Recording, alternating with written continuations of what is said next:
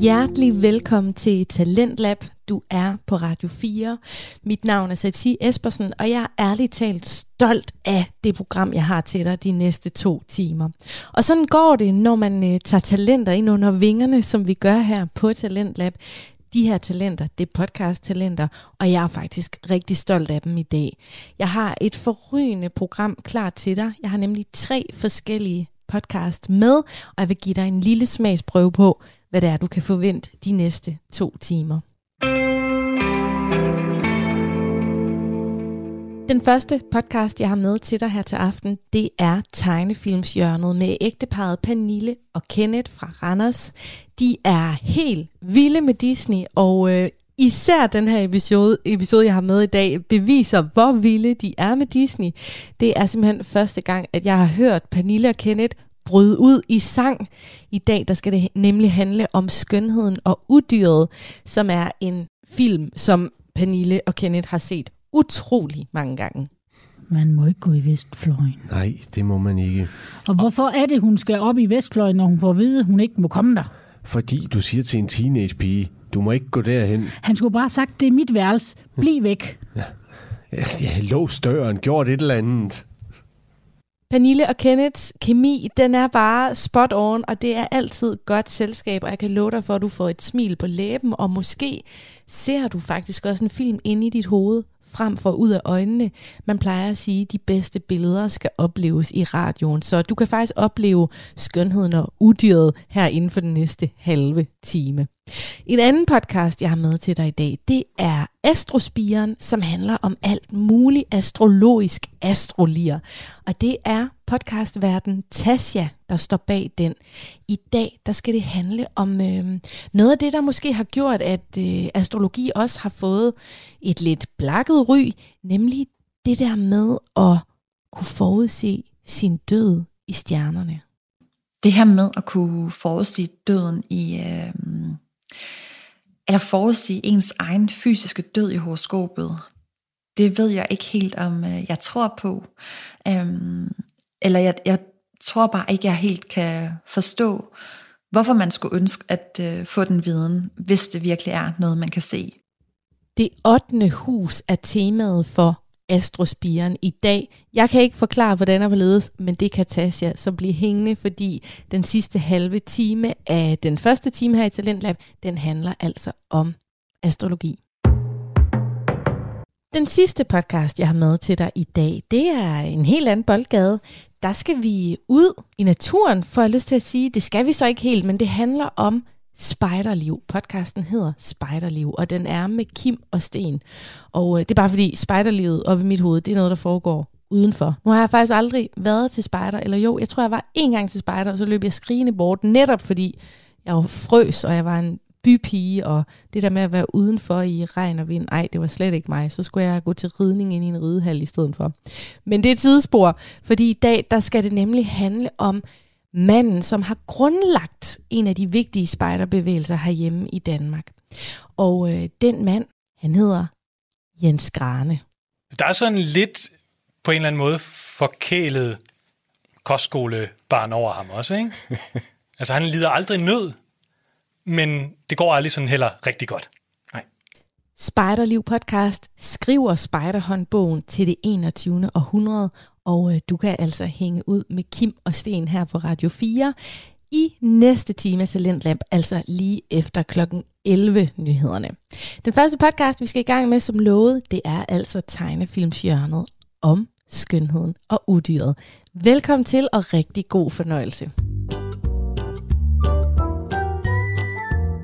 Velkommen til Disney-hjørnet. En podcast af to Disney-fanatikere, der gerne vil dele deres kærlighed til Disney. En klassiker ad gangen. Halli hallo. Og lige et øjeblik. Og velkommen til Disney-hjørnet. Hvor vi er dine værter. Pernille. Og Kenneth. Og i dag er vi nået til Disney-klassiker nummer 30. Den bedste. Det siger Pernille i hvert fald. Vi er kommet til skønheden og udyret. Og som altid, så vil jeg lige starte med at fortælle jer lidt om tilblivelsen af filmen. Gør det. Det gør jeg så. Og det starter ret tidligt faktisk, fordi at allerede i 1937, da Snevide og de syv dværge var blevet en kæmpe succes for Disney, der begyndte Walt selv at lede efter andre historier, der kunne laves om til tegnefilm. Og en af disse var historien om skønheden og udyret. Og man forsøgte at udvikle et manuskript til en filmudgave i 1950'erne, da Disney-studiet var kommet tilbage på rette fod. Men det var åbenbart en lidt for stor udfordring for manuskriptforfatterne på det tidspunkt. Nogle mener også, at Disney var lidt træt af, at der i 46 var kommet en meget populær fransk filmudgave af Skønheden og Udyret, og det kan også have været medvirkende til, at projektet blev, det blev droppet. I 87 der blev ideen om skønheden og udyret, så er der foreslået til tegnefilm, og ideen blev godkendt. Yay! Men i 89, da man, da man var nået et stykke af vejen med filmen, der øh, befalede CEO Jeffrey Katzenberg, efter at have set de forløbige story reels, at øh, man skulle starte helt forfra igen. Og det medførte, at den hidtidige instruktør Richard Purdom sagde op som instruktør på projektet. Så vil han ikke være med mere. Nej, nu giver jeg ikke Jeg alligevel. giver ikke mere, når det skulle være så dumt, Jeffrey. Nej, lige præcis. Så spurgte man uh, Ron Clements og John Musker, om de ville være instruktør på filmen, men de svarede, at arbejdet på Den Lille Havfru havde været meget hårdt, så de ville gerne lige holde en lille pause fra arbejdet, men de vendte tilbage kort efter med Aladdin. Wink, wink, den næste. Lige præcis. Så det var måske en god idé lige at lade dem lade batterierne lidt op. Ja. I den originale historie af Skønheden og Udyret var der kun to store karakterer, som man besluttede at udvide persongalleriet ved at lade slotspersonalet blive til levende husholdningsobjekter, og man tilføjede også Gaston som filmens skurk. Og disse idéer bygger faktisk videre på elementer fra den førnævnte franske filmudgave fra 40'erne, hvor man både havde opfundet en skurk, der ville giftes med Belle, samt levende husholdningsobjekter på slottet, men i Disneys udgave fik objekterne dog lidt mere distinkte personligheder. Så de to ideen fra filmen. Ja, og det tænker jeg, det måske også har været bedre, at de har gjort det der i slut 80'erne, end at man havde gjort det få år efter, at den franske film rent faktisk var kommet. Ja. Så, så, så alt i alt er det måske meget godt alligevel, at der gik alle de år. Ja. Oprindeligt, der overvejede man at lade Jodie Benson, altså Ariels stemme fra Den Lille Havfrue, også være stemme til Belle, men den idé blev droppet, og så i stedet var det Broadway-skuespilleren Paige O'Hara, der blev valgt efter en audition, der inkluderede 500 håbefulde kvinder. Da deadline begyndte at komme lidt frygteligt tæt på, der besluttede man så også at genbruge dansescenen fra Tonne Rose, så filmen kunne blive færdig til tiden. Så altså der, hvor skønheden udyrt danser rundt ind i balsalen, det er simpelthen bare en... Nej, til, al- til allersidst, hvad hedder det, efter at han er blevet til menneske. Nå, Det, der, der har man taget fra, så vidt jeg lige kunne forstå på det, det er taget fra Tonne Rose. godt så. Det er jo vigtigt at vide, hvilken dansescene, ja. ja. der er snak om.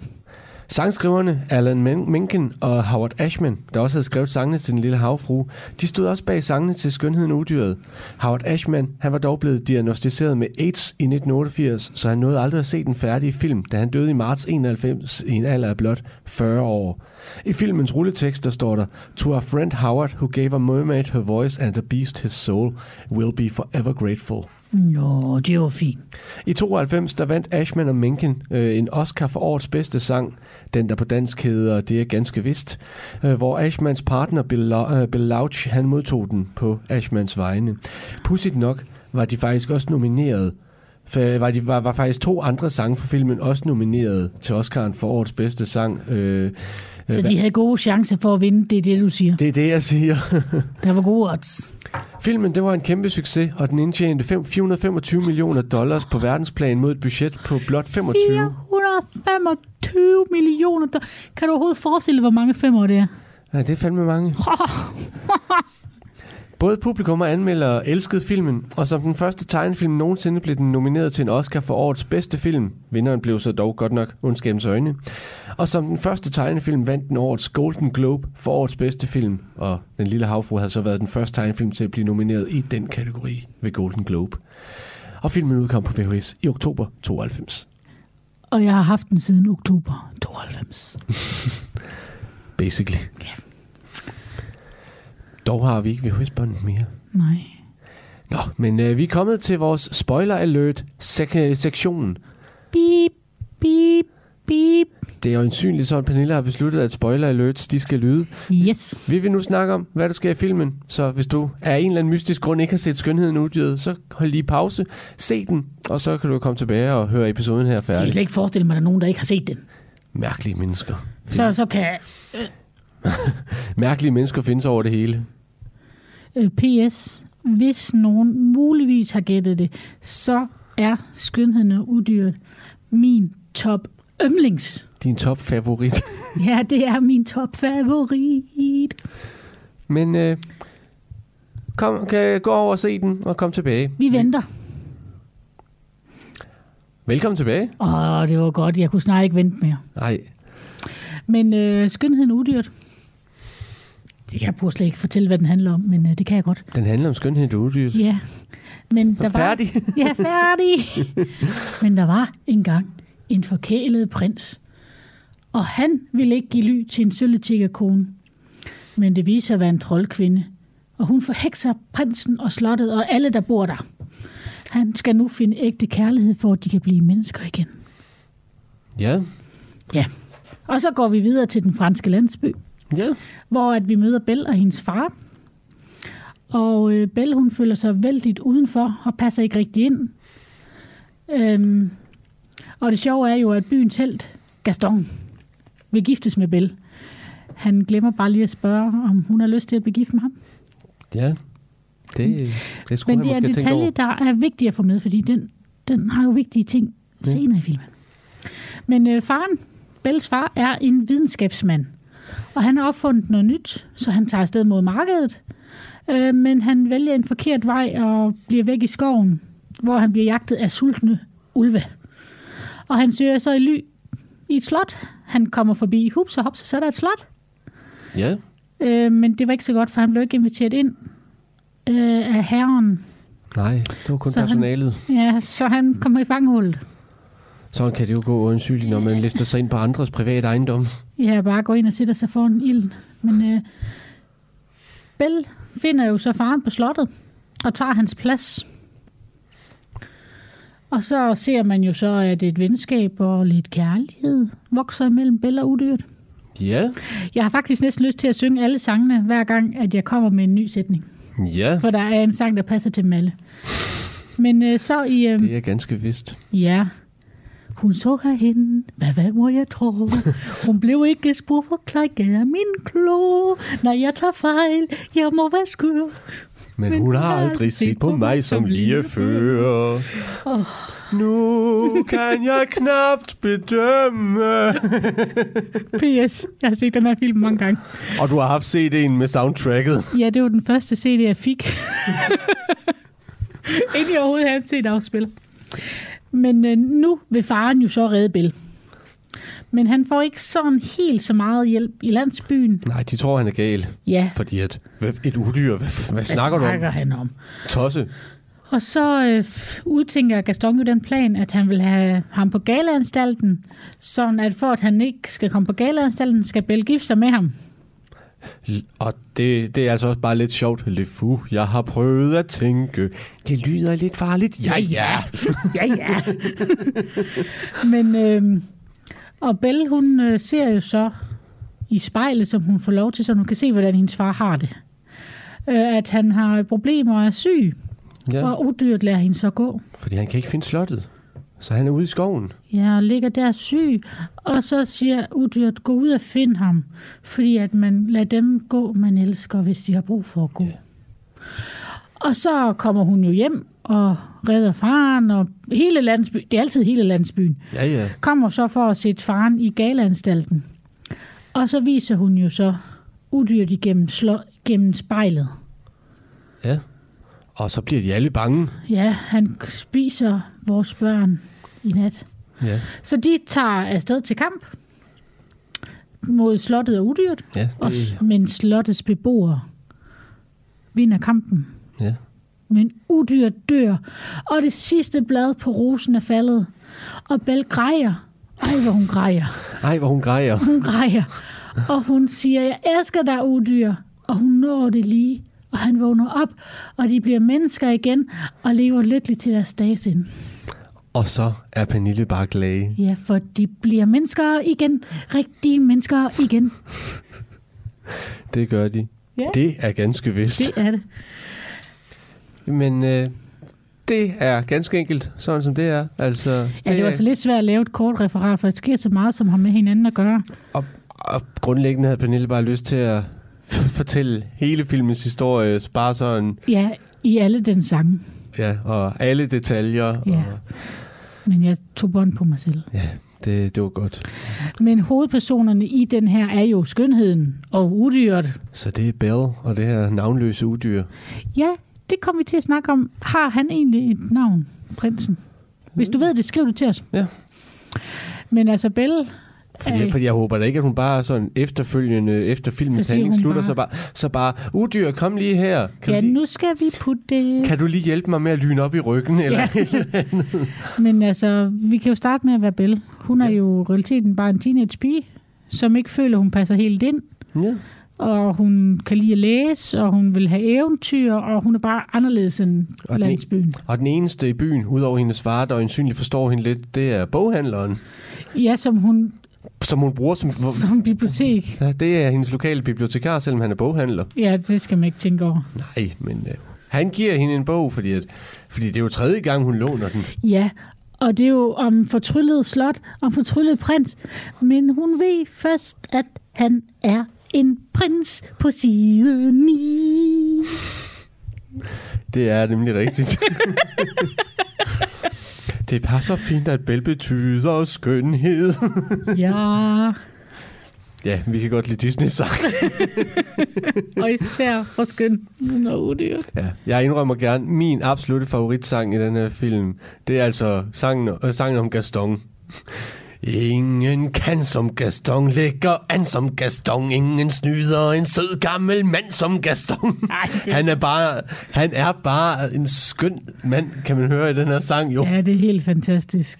Men udyrt er jo den her fortryllede prins, Ja. som ikke er voldsomt god til mennesker. Og det er ikke blevet bedre af, at han så har været alene med sit husholdnings, øh, sine husholdningsgenstande.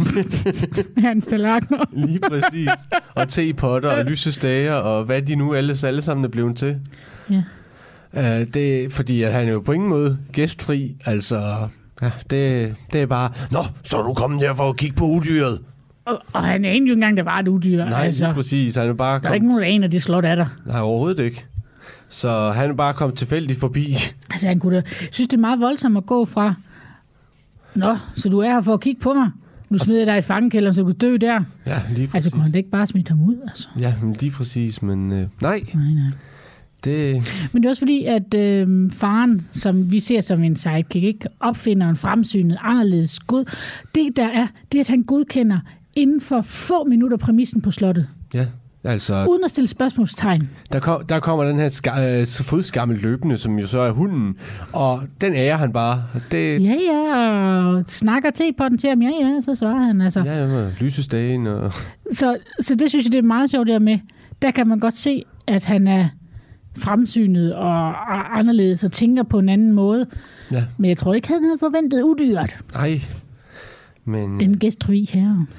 Men altså, det, det, og det er sådan lidt det, at det er pudsigt, hvordan at, at den her prins ikke har lært, undskyld udtrykket, en skid af at være blevet forvandlet til det, han er. Altså, han er bare blevet endnu mere bitter og sur på verden. Ja, og fordi kunne man måske... at det var i realiteten det samme, som skete, da han blev forvandlet Ja, af den sølle tiggerkone, som var en troldkvinde. ja, Altså, så kunne det her jo i realiteten have været en test mere, jamen lige præcis. som han fejler hårdt, hvis Ja. det var, ikke? Det, så det, det er heldigt for ham, at det ikke bare var en ny troldmand i forklædning eller noget. Nej, men altså så i forhold til Sidekick, så er der også alle de ansatte på slottet, som er fortryllet som udyrt og håber på, at tingene ændrer sig. Ja. Der er jo mest fokus på øh, Lumière, Og Clocksworth, og så Miss Potts. ja, og lidt chip. Ja, han er sådan lidt comic relief, faktisk. Lidt, men han er jo stadigvæk den, der sørger for, at de, at de slipper ud Ja, af ja, deres hus, han- efter at han være blevet Han fangekilder. redder det verden. Det gør han da. Men der er sådan lige de her tre, som jeg også ser, som har været lidt en forældrefigur for udyrt. Ja, lidt. Og, og de er bare sådan, det, det er et eller andet sted, det er dem, der sådan er lederne på slottet. Ja, der det er dem, sådan der- har, styret, kørt, har kørt løbet. Ja, der holder styr på tingene. Altså, jeg har også skrevet som sidekick hesten, Philip. Ja, han er også lidt med. Fordi at det ikke, her i den her, der kan man ikke tale med dyrene. Nej, Og dyrene taler ikke igen. heldigvis. Dejligt. Og det er jo også ham, der er Philip. Hvor papa Philip. Ja, der, der, der henter Belle og ja, redder faren, og de klapper og ærer, ja men lige præcis. som man nu gør sin hest. Og står klar i stallen til, at hun kan flygte, da, da udyret råber af hende, fordi at hun har listet sig op i Vestfløjen. Ja, Så man må ikke gå i Vestfløjen. nej, det må man ikke. Og hvorfor er det, hun skal op i Vestfløjen, når hun får at vide, at hun ikke må komme der? Fordi du siger til en teenage-pige, du må ikke gå derhen. Han skulle bare have sagt, det er mit værelse. Bliv væk. Ja, ja lås døren, gjort et eller andet. Ja, det havde jo været en fin løsning på tingene, lås døren. Men øh, det... Det gør man ikke på slottet. Nej, lige præcis. Og slet ikke i det 16. århundrede. Nej, Så har vi jo Mr. Bad Guy. det har vi. Mr. Gaston. Mr. Gaston. Og det er jo ikke fordi, at altså sådan rent objektivt set, altså jo jo, altså han er jo en idiot, fordi han ikke fatter, at, at Belle ikke vil gifte, gifte sig med ham. Men han er jo bare stadig, altså han er jo stadigvæk, han er byens beskytter, og et eller andet sted bare forventer, at han får, hvad han vil have, fordi det er han vant til. Ja, altså han er selvsikker byens held, og han er indbilsk, og han vil jo have Belle koste, hvad det vil. Altså, i realiteten tror jeg, han var ligeglad med, om hun lå som en død Mm-hmm. fisk på bordet. Ja, et eller andet sted, fordi at hun er jo bare, hun er den smukkeste pige i byen. Og, og derfor den bedste. Og der er jo altså de her tre andre damer, der også er kønne damer, som jo bare vil give deres venstre arm for at være sammen med Gaston. Ja, for at blive Gardons. Og så har Bad Guy jo en sidekick. Ja, Lefu. Lefu. Og øh, Lefu, han er også comic relief. Det er han virkelig. Og han er den diametrale modsætning af Gaston. Ja, men lige præcis. Han er lille og buttet og på ingen måde smart eller Nej. selvsikker. overhovedet ikke. Og, øh, og, og så siger han jo også i sin sang, altså, ja, og, og vi, gutterne beundrer dig, selvom du tæver os tit. Ja, altså, og det er jo også sådan lidt, hvor at, jamen, Gaston er en røv over for alle, men han er stadig byens beskytter, og derfor er han stadigvæk og byens... held. mesterspøtter. Ja, lige præcis. Men hvor han kendte ham Gaston. Lige præcis. Og det er jo også derfor, at han hurtigt kan få pøblen med sig, da han, da, da, da han snupper spejlet ud af Bells hånd, og så bare, se på ham, han er farlig, han kommer og tager jeres børn, mens I sover om natten. Ja, lige præcis. Altså, han er den, der sætter kursen. Og det er jo et eller andet sted, det er jo bare det, der vil ske for, for, for 300 år siden i sådan en lille landsby, altså at Ja, det er ham, der kan skyde, og det er ham, der kan slås, og, det er ham, der bestemmer, at nu tager vi afsted, fordi Ja. det her, det er farligt. og så mander de andre sig op, fordi at hvis han gør det, så gør vi det alle. Lige præcis. Så altså, han er jo, altså, han er, jo, han er en idiot, men han er bare en idiot, eller den type, der sikkert fandtes på, på den tid. Ja. Men altså lige så meget, som jeg godt kan lide og faktisk elsker skønheden udyrt, så synes jeg alligevel, at tidsrammen for, hvor lang tid hun er på slottet, og hvornår hvad sker, den godt kan være sådan lidt bob-bob. Ja. Fordi at ifølge det, vi ser, så er det meget få dage, at de pludselig sådan ser noget andet i hinanden. Ja, men øh, det... På meget få dage. På nærmest kun en dag. Altså, Ja, vi ser dem jo ikke gå i seng eller stoppe. eller noget. Og det, det kan godt irritere mig lidt. Men jeg ser bort fra det, fordi sangene er gode. Og... og, og filmen er sød, og Ja. animationen er Men dejlig. det er det eneste, jeg har på den, det er, at jeg synes, tidsrammen kan være lidt bob-bob. Men det er også fordi, jeg ved, at de har lavet en skønhed nu, det to, hvor de siger, at vi fejrer julen. Og det er året efter. Og den kommer året efter, men der er udyrt udyrt, og ikke prinsen. Jamen, det er jo fordi, at det er jo en, det er jo en rammefortælling, hvor at, at Chip han beder øh, Miss Potts om at fortælle, hvad der skete sidste år, og det er sådan lidt, har du allerede glemt det? Altså, han fortæller om sidste jul. Men det betyder så også bare, at det, der skete sidste år, er jo så sket over en længere periode, fordi vi oplevede altså ikke julen i, i, Nej. i filmen. Jamen, det er rigtigt nok. Så det er det eneste, jeg har set en finger på. Det er tidsrammen i den her film, som jeg overhovedet ikke kan tilpasse. Nej. Fordi også det der med, at så Gaston kommer jo hen og siger, nu skal jeg gifte, så Belle siger nej, og så siger han, fedt, fedt, fedt, og så skal de, vil de så hen og hente faren, hvor der ikke er nogen hjemme, hvor han så sætter Lefu i en øh, snedynge lige pludselig. Ikke? Nu Ja. ja. begynder at sne. Du venter her, til de kommer tilbage, og man aner ikke, hvor længe han har ventet i den der snedynge. Altså, Nej. Det er det eneste, der irriterer mig. Men jeg ser bort fra det, fordi det er verdens bedste Disney-film. Så du kan, ikke se for, du kan ikke se bort fra, at Cody han kan klatre op, op ad et bjerg i Australien. Nej. Men en tidsramme, det er lige meget. Ja. Okay, tjek. Jeg skulle bare være sikker. Ja. Men altså, det er jo... Altså, der sker bare... Der sker jo stadigvæk mange ting i den her film. Ja. Altså... Ja. Det, og, og en af, en af de sådan pussy ting, det er sådan der til, til sidst i filmen, hvor at Gaston han stadigvæk ikke har fattet, at Belle altså ikke vil have ham. Hvor at han siger til udyret, tror du virkelig, hun vil have dig, når hun kan få en mand som mig? Altså, det er bare sådan en ting, hvor at, du er virkelig indbilsk. Du fatter det ja. ikke. Nej, han ser kun sin egen verden. Ja, lige præcis. Det er sådan lidt, jeg skal have, have, have hende, jeg, og jeg er simpelthen det bedste catch. Ja, jeg kan slet ikke forestille mig, at andre kunne være bedre. Nej, lige præcis. Men øh, Pul Nulle, hvad giver du? Skønhed nu, jeg synes også, det er den bedste i hele verden. Det synes jeg ikke, men jeg synes, det er en virkelig god Disney-film. Ja. Så jeg har givet den et femtal. Ja. Ja. Jeg giver lige lytteren tre sekunder til at gætte, hvad jeg giver den. Vores skala ligger jo fra 1 til 7. Ja. Så øh, hvad tror du, at Pernille giver den? Bum, bum, Et lille bum, hint. bum. Det rimer på lyv. 7! Prøv du lige at lave, øh, hvad hedder det, Jeopardy vente-tema? Ja. Bum, bum, bum. ja, det er min yndlings, og der er kærlighed og skønheder og udyr og dumme gastonger. Og jeg synes, den er helt fantastisk. Og Pernille har set den så mange gange, at hun vel næsten har slidt sit oprindelige bånd op. Jamen, det gjorde jeg nok lidt, og så købte vi den på DVD. Ja.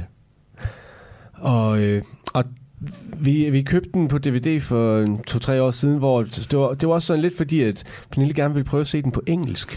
Det var bare helt forkert. Det var bare helt forkert. Og, og det, er jo for, det er jo fordi, at nu har man i næsten 30 år, har man jo set den med de her faste danske stemmer, ja. altså hvem end det nu er, der lægger stemme til Bell, og Preben Christensen som Lumière, og John Han Petersen som uh, Clocksworth og sådan noget. Man er bare vant til de stemmer. Det er Ja. de stemmer, der er de figurer. Ja, det kan ikke være anderledes. Men hvor mange skønheder og udyr der giver du den, kære lytter? Ja.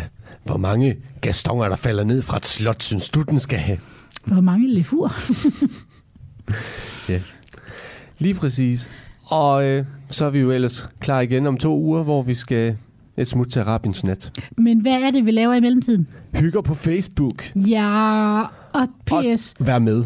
tusind tak, fordi du hygger med os inde på Facebooken. Det gør os så glad hver gang. Lige præcis.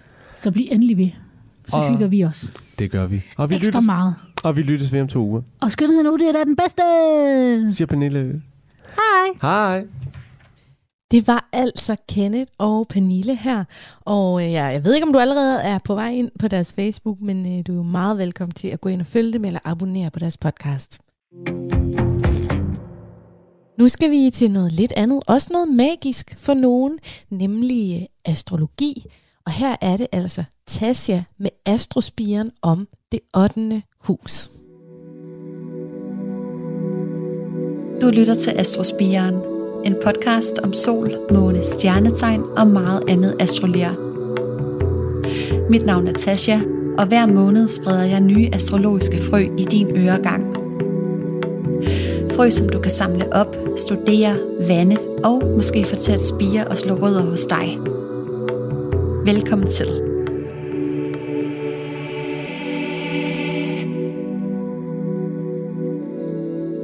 Hej med jer, og velkommen til. Jeg håber, I har haft en øh, rigtig dejlig jul. Jeg er stadigvæk ved at prøve at lande oven på al julemaden, og alt for mange mennesker og gaver, og så bare generelt den travlhed, der også hører den her tid til. Og jeg synes, det er mega vigtigt midt i øh, alt det her juleræs med øh, julefrokoster og kransekage og nytårsambitioner og januarudsalg, hvor der godt kan være sådan lidt en tendens til at slå autopilot til. At vi også husker at give jer ned og lige tjekke ind med os selv, om det vi gør lige nu, er det noget, der giver energi eller tager energi. Der er helt sikkert et par overflødige punkter, vi kan strege af vores øh, to-do-liste. Vi er lige kommet om på den anden side af vintersolværv, der markerer årets længste og mørkeste dag. Og selvom vi er på vej mod længere og lysere dage, hvor mørket det lige så langsomt slipper sit øh, tag i os, så sker det altså gradvist, og vi er stadigvæk midt i den dybe vinter, og det er helt okay at øh, skrue ned og være langsom, stille og gemme sig under den mørke muld lidt endnu. Øhm, det har jeg i hvert fald tænkt mig at gøre. Og den her stemning og følelse af at ligge under en tung mørk dyne, øhm, den synes jeg egentlig passer rigtig godt til øh, det her afsnit. Vi skal nemlig besøge et øh, skjulested i dag. Øhm, vi skal et sted hen, hvor der også kan være lidt øh, mørkt, og hvor vi kan gemme os fra omverdenen. Og selvom her er lidt dystert, så er der altså stadigvæk lys for enden af tunnelen. Vi er nemlig kommet til øh, 8. hus. Og i modsætning til øh, 7. hus, som jeg snakkede om sidst, så er 8. hus ikke så synligt, bevidst og ude i det åbne dagslys. 8. hus er nemlig et af de øh, lukkede huse. Øh, første hus, 8. hus og 12. hus, de har noget øh, lukket og skjult over sig. Og i øh, 8. hus, der skjuler vi os selv og gemmer alt det væk, som øh, vi ikke vil kendes ved i vores øh, eget ego. Det er simpelthen øh, det sted i horoskopet, at vi gemmer vores øh, snavsede vasketøj for andre. Og spejling, altså det her med at kunne se sig selv i andre mennesker, som vi kun i syvende hus, det bliver en smule uklart her. 8. hus er nemlig området for projektioner. Og nu får jeg det til at lyde meget mere øh, dystert og dunkelt, end det egentlig er. Så undskyld til øh, dig derude. Øh, I see you, men øh, det er ikke sikkert, at du ser dig selv tydeligt og klart og som øh, den du virkelig er, hvis du har et øh, stærkt 8. hus. De planeter, vi har stående i 8. hus, de føles nemlig ikke som noget, der er en øh, del af os selv, fordi vi projicerer den energi og de evner, der ligger i øh, planeterne, over på alle andre. Så med en øh, Jupiter, der er det alle de andre, der har livsglæde og humor og lykke. Øhm, og med solen, jamen så er det alle de andre, der stråler stærkt og har livsvitalitet og overskud. Det er ligesom om, at vi har et øh, kæmpe blindspot på vores eget ego, og alle de øh, egenskaber og kvaliteter, vi selv besidder. Og jeg tror, at de fleste af os kender det her med, at øh, vi kan møde nogle mennesker, der rummer nogle egenskaber og træk, som vi slet ikke kan udstå. Det kan være mennesker, hvor vi føler, at de fylder for meget, er for selvfede, for arrogante og dominerende, øhm, eller for underdanige og behagesyge. Nogle kvaliteter, der på en eller anden måde vækker øhm, nogle ubehagelige følelser i os, som øh, misundelse og vrede og afmagt og afsky og jalousi. Men når vi så møder de her mennesker, der kan trykke på vores knapper, så er det virkelig en øh, kæmpe invitation til at gå på opdagelse i os selv, og finde ud af, hvor vi selv rummer nogle af de samme kvaliteter, vi ikke kan udstå. For vi har dem helt sikkert 100% et eller andet sted, men det kan være, at det kommer ud i en anden sammenhæng eller anden situation. Måske er der områder, hvor vi selv er for behagesyge og konfliktsky eller mega bossy bitch-agtige. Og har man et øh, stærkt 8. hus, altså mange planeter stående her, så vil man have rigtig stor glæde af at øh, gå i terapi, eller på en eller anden måde arbejde med sig selv i dybden på et øh, psykologisk plan, og lære sig selv at kende. Øh, ofte så besidder man også øh, selv evner inden for det psykologiske. Og her der mener jeg ikke en øh, lang uddannelse eller Ph.D. i psykologi nødvendigvis. Det jeg mener, det er bare, at øh, man evner og magter at have med mennesker og alt deres bullshit at gøre. Der skal rigtig meget til, før, øh, før mennesker med øh, stærke 8. huse, de løber skrigende bort. Og hvor andet hus, det var vores øh, fysiske ressourcer, så er 8. hus vores psykiske ressourcer. Det, der står i 8. hus, det er en øh, psykologisk sult, som vi til at begynde med vil prøve at midt på et øh, yderplan. I starten af livet har vi et øh, blindspot på det indre, og vores fokus er rettet mod den øh, fysiske verden, hvor vi kan se alt det, som alle de andre har, og hvor vi kan måle vores egne konkrete resultater op imod andres. Men i 8. hus, der ser vi altså bedst med øh, lukkede øjne, for de ressourcer, vi har her, de er indeni på et indre, dybt psykologisk plan. Og når vi på et eller andet tidspunkt i øh, den her lange proces med at øh, lære os selv at kende, indser, at øh, alle idioterne, øh, det i virkeligheden er et øh, spejl på dem, vi selv er. Altså når vi finder ud af, at vores øh, sympatier og øh, antipatier ikke er et udtryk for, hvem andre er, men øh, hvem vi selv er, øh, og når vi trækker vores øh, projektioner i land, så kan vi begynde at øh, se os selv tydeligt og klart og som øh, dem vi virkelig er. Og så ændrer den her sult sig til en psykisk sult, og øh, den kan vi kun mætte på et øh, indre plan. Og hvor mange kan helt ærligt sige, at øh, de kender sig selv. Um, jeg kan i hvert fald ikke. Og jeg har heller ikke noget stående i 8. hus, og det er måske derfor. Uh, det ved jeg ikke. Men det er ligesom, når jeg kigger på andres horoskoper, så er det virkelig nemt, øh, eller ikke nemt, men jeg kan meget hurtigt danne mig et øh, overblik over nogle af de overordnede øh, temaer for den her person. Men det kan jeg ikke, når det kommer til mit eget horoskop. Eller det kan jeg godt, men øh, det er bare ikke særlig rart. Det er altid lidt øh, nemmere og sjovere at øh, analysere andres snavsede vasketøj. Så 8. hus er et øh, terapeutisk hus med dybde og skjulte sider, der kan rumme rigtig meget tabu, som skam og vrede og misundelse, og øh, også vores øh, skjulte seksuelle side. Det er her vores øh, dybeste hemmeligheder og underliggende sande motiver, de øh, ligger gemt det, som vi inderst inden ægte begær, og andre områder af vores sind og psyke, som vi ikke har lyst til at dykke ned i. Alt det her, det gemmer vi væk i øh, 8. hus. Øhm, I hvert fald til en begyndelse. Vi kan lige prøve at tage Saturn som et øh, eksempel. For Saturn fungerer sådan lidt øh, omvendt, i og med at øh, Saturn er en mangel i øh, starten af livet, øh, og med tiden bliver manglen til erfaring. Og 8. hus er også lidt omvendt, fordi i starten er det alle de andre, og med tiden bliver det en selv. Så med en øh, Saturn i 8. hus, så er det alle de andre, der er ansvarsløse, og som ikke kan tage ansvar for sig selv, for andre eller for nogen eller noget som helst. Og man synes måske selv, at man er den mest ansvarsfulde person i hele verden. Og i virkeligheden er det måske ikke helt sådan, det hænger sammen. Og er det en retrograd Saturn, så er det igen omvendt. Det er lidt ligesom når man siger, at øh, plus og plus giver minus. For så føler man sig rent faktisk øh, mangelfuld indeni. Der hvor Saturn står, der er det en mangel i øh, starten af livet, og det er uanset i hvilket hus den står i, og om den er retrograd eller ej. Men har man mod på at øh, gå dybt og kigge på ens egne mangler og gøre sit Saturnarbejde, så vil de erfaringer, man indhenter med en øh, Saturn i 8. hus, øh, de vil være af psykologisk karakter, og ens psykiske ressource bliver så ens egne erfaringer. Og alt det, jeg siger her, det gælder jo også for dig, som øh, intet har i 8. hus, ligesom mig. Det gælder jo for os alle sammen.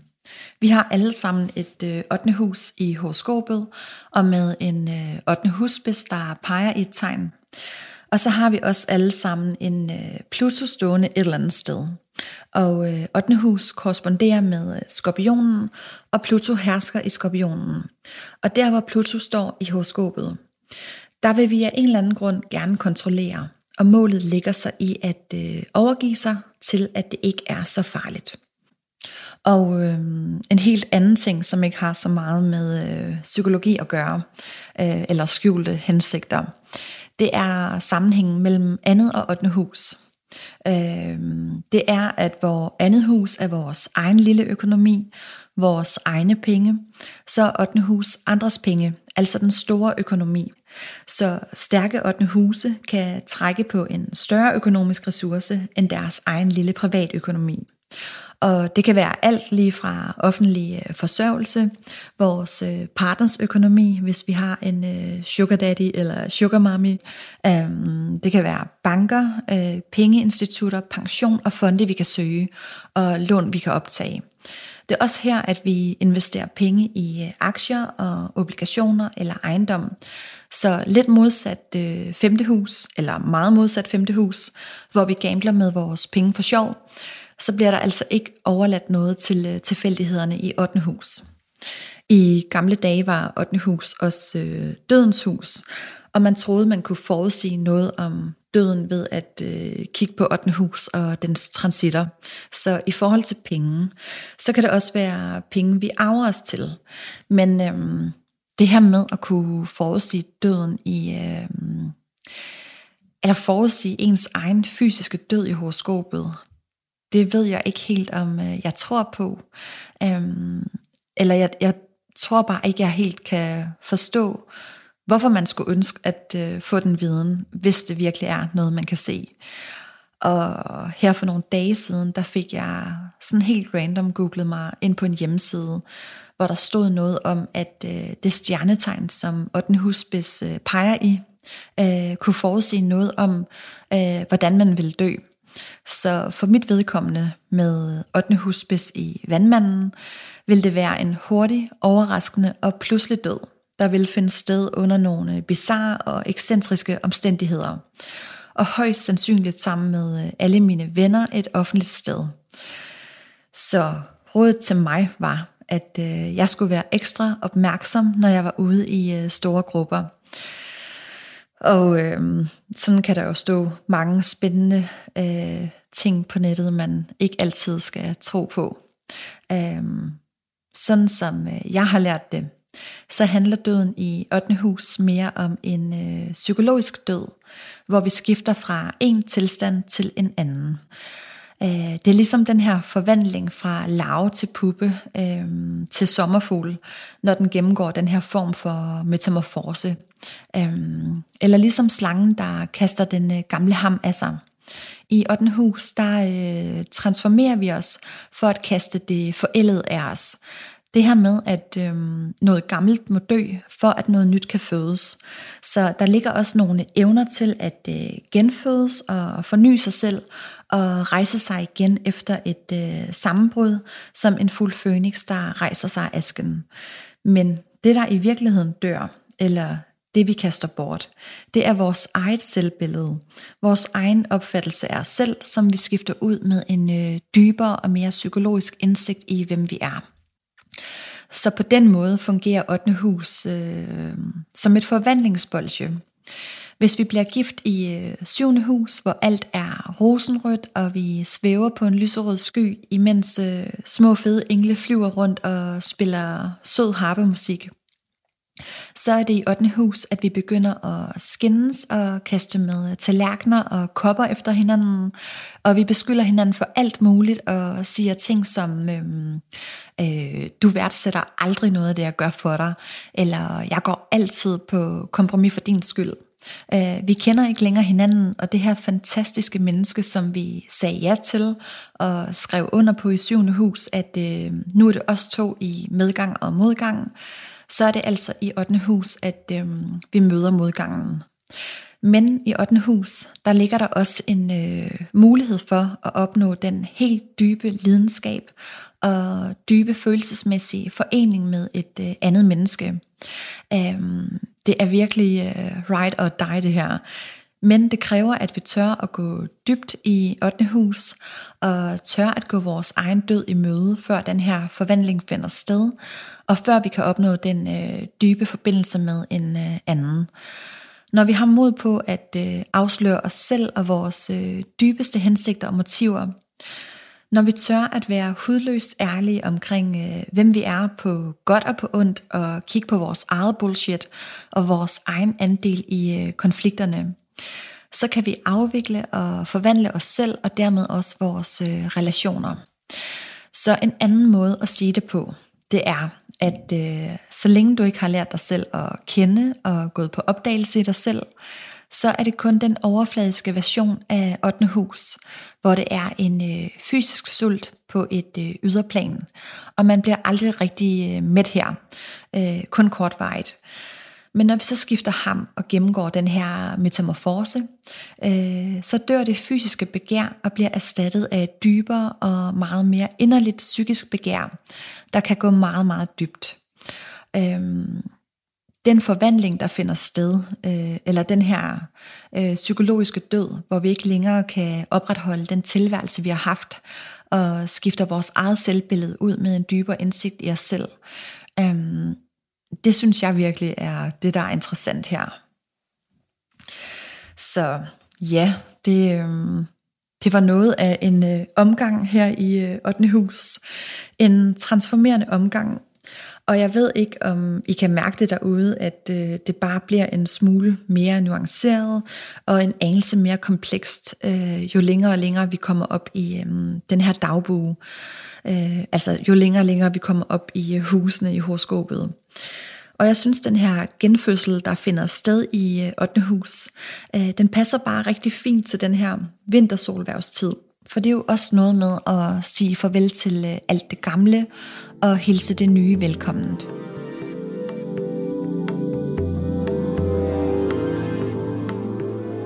Så er der i genkommet spørgsmål til brevkassen. Og, og så er lidt mit tyk ud her, så det er lidt nemmere at høre, hvad jeg siger.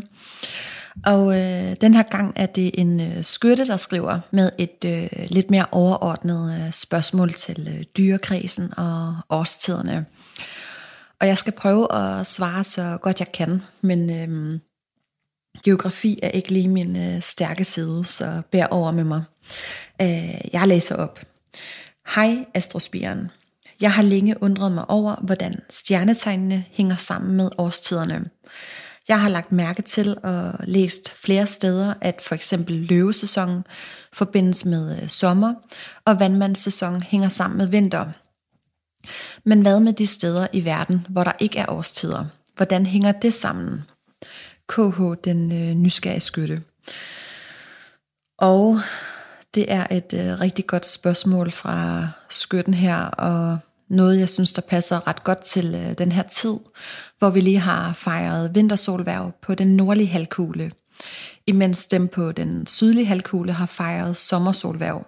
Øhm, det ved jeg ikke, om de gør, altså, altså fejrer det, men øhm, det er i hvert fald omvendt, når vi kommer ned til øh, Sydpolen. Og der findes jo steder i verden, hvor det aldrig sneer eller bliver koldt, øh, ligesom her alt det, som øh, vi forbinder med øh, vinter og vandmandssæsonen, øh, i hvert fald hvis man går op i astrologi, øh, det er jo noget, der er specifikt for vores del af verden. Øh, eller i hvert fald for dem, der har årstider ligesom os.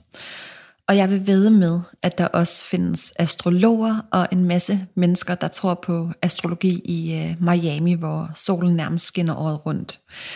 Øhm, men det, at øh, dyrekredsen hænger sammen med årstiderne, tror jeg, øh, jeg er ikke sikker, men øh, jeg tror det simpelthen er fordi, at øh, det var sådan, vi øh, dengang kunne holde styr på tiden og året, der gik. Altså inden vi havde øh, kikkerter og øh, matematiske og øh, astronomiske begreber til at kunne at kunne måle tiden og beregne længden af et år ud fra jordens bane om solen, øhm, der blev vi i stedet for nødt til at øh, iagtage himmelrummet og stole på, at øh, stjernebillederne kunne forsyne os med øh, den viden. Og vi snakker jo rigtig mange tusinder år tilbage nu, og øh, astrologi har vist eksisteret i sådan noget 2000 år. Øh, men inden astrologien blev til, der har vi fundet ud af, at øh, der var et sammenfald mellem det, der sker på jorden, og det, der sker på himlen. Ved at øh, observere stjernehimlen og årstidernes skiften og længden på natten og dagen på bestemte tidspunkter af året, jamen så har man haft en fornemmelse for, hvornår det var tid til hvad. Og jeg ved jo ikke, om det er sådan, det har fundet sted, men øh, jeg er i hvert fald ret øh, sikker på og øh, overbevist om, at øh, mennesket i mange, mange tusinder år har været meget bevidste om øh, sammenhængen mellem årstidernes skiften, og hvad der skete oppe på himlen, og hvilke stjernebilleder, der var synlige hvornår. Og det har så udviklet sig til det astrologiske jul, og sidenhen til øh, det gregorianske kalenderår, som er den tidsberegning, vi bruger den dag i dag, øh, eller i hvert fald den tidsberegning af et år, som de fleste dele af verden bruger. Og den gregorianske kalender bygger i virkeligheden på el gammel astrologi. Og det er der jo ikke noget øh, nyt i. Altså det her med, at vi tager noget gammelt og ændrer det lidt, kalder det noget andet og bygger en, øh, en ny, altså i øh, gåseøjne, ny model ud af det. Øh, det har vi gjort med øh, kristendommen, der erstattede Ægypternes tro på solguden og øh, flere andre guder. Vi har gjort det med øh, asatron herhjemme, og vi har gjort det med rigtig mange øh, andre religioner og trosretninger rundt omkring i verden, øh, der alle sammen har sit øh, udspring i, øh, ja, øh, nogen vil sige øh, astrologi, og andre vil sige øh, astronomi. Men nogle af de første astronomer var jo også øh, astrologer. Og jeg ved godt, det lyder lidt øh, skørt, det jeg siger her. Øhm, det er jo også kun en, der tror fuldt og fast øh, på astrologi, der vil hævde, at øh, alle verdens religioner har sit øh, udspring øh, i det. Og hvis der sidder en derude og lytter med lige nu, som tænker, get your facts straight, så må du meget gerne skrive til mig. Jeg er selv mega nysgerrig på øh, det her. Og jeg tror, jeg lige vil linke til en øhm, dokumentar på YouTube, der kan forklare det her meget bedre, end jeg kan. Øhm, den er vildt spændende. Den var 30 minutters tid, og den handler nemlig om, hvordan elgammel øh, soltilbedelse og øh, i det hele taget øh, astronomi øh, er stammen til de største verdensreligioner, vi øh, har i dag. Øh, jeg linker til den på øh, i fodnoterne øh, på det her afsnit. Og jeg ved slet ikke, om jeg fik øh, svaret på dit øh, spørgsmål, eller om det bare har forvirret endnu mere. Øhm, der findes flere forskellige systemer eller grene inden for astrologi. I øh, Vesten er det den gren, der hedder tropical eller tropisk astrologi, der er den mest udbredte. Og som du næsten kan høre, så knytter tropisk astrologi sig til årstiderne og de tropiske stjernetegn. Og i Indien for eksempel er det den gren inden for astrologi, der hedder vedisk astrologi der er den mest udbredte. Øh, nogle kalder det også for siderisk eller sidereal astrology, hvor stjernetegnene er sideriske og ikke knytter sig til øh, bestemte årstider. I øh, vedisk astrologi er jeg for eksempel født i, øh, eller der står solen i øh, løven og ikke øh, jomfru, så øh, der, er, der er mit stjernetegn løve, hvis man bare kigger på solen. Og øhm, vedisk astrologi er en helt anden måde at øh, bruge astrologien på. Den er mere øh, kosmisk og ikke så baseret på soltegns astrologi. Og nu hvor det her afsnit det handler om øh, transformation og 8. hus, så er vestlig astrologi, øh, eller tropisk astrologi, også under en øh, form for forvandling lige nu, øh, hvor den bevæger sig mere og mere væk fra soltegns astrologi. Og øh, forud, altså det her med at kunne forudse begivenheder, og bliver mere og mere fokuseret på øh, vores kosmiske potentialer. Så jeg håber, at øh, det var svar nok, ellers så spørg, og det kan være, at jeg skal dykke mere ned i øh, vedisk astrologi i et øh, andet afsnit. Øh, det er virkelig også øh, et spændende område.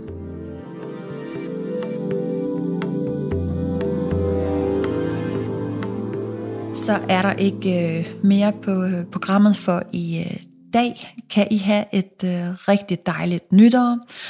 Og hvis du bagefter vil gå ind og anmelde min podcast med et øh, gavmildt antal stjerner, øh, enten på Spotify, hvis du lytter der, eller i Apple Podcast, som i gamle dage hed iTunes, hvis du lytter der. Det vil være en kæmpe hjælp, øh, hvis I vil øh, støtte mig på den måde. Øh, det gør nemlig, at andre har lettere ved at finde frem til øh, min podcast i øh, søgningerne. Og så have det rigtig, rigtig dejligt, og tak fordi I blev øh, hængende, og så ses vi i det nye år. Tusind tak til dig, fordi du havde lyst til at lytte med. Er du blevet nysgerrig på noget af det, som jeg har snakket om i dag, eller har du andre astrologiske spørgsmål, så skriv endelig til mig. Og kan du lide, hvad du hører, så drys os gerne lidt øh, stjernestøv eller giv et like. På genlyt i næste afsnit.